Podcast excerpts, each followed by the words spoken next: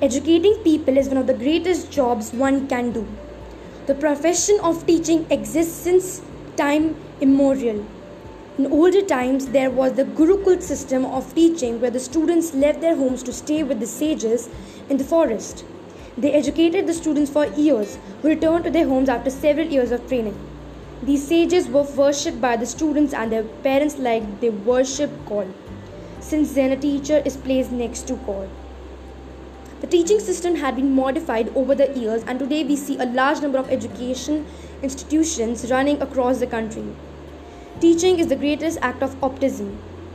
It is one such profession that creates all other professions. Great teachers like Sarvepalli Radhakrishnan and Dr. APJ Abdul Kalam are an inspiration to all of us. 5th September is celebrated as Teachers' Day throughout the country since the year 1962 on the birth anniversary of Dr. Sarvepalli Radhakrishnan, the second president of India, who was also a philosopher and an educationist. When he became the president of India, a few of his students requested to let him celebrate his birthday on 5th September. On this, he asked them to celebrate the day as Teachers' Day and not just as his birthday.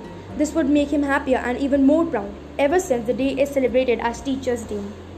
Everything and everyone around us teach something or the other. Our prime education begins at home. As we grow and meet people, we learn from them. Experience and mistakes are our greatest teachers. They teach us how to handle situations and survive in the world. We are privileged to grow under the guidance of the teacher.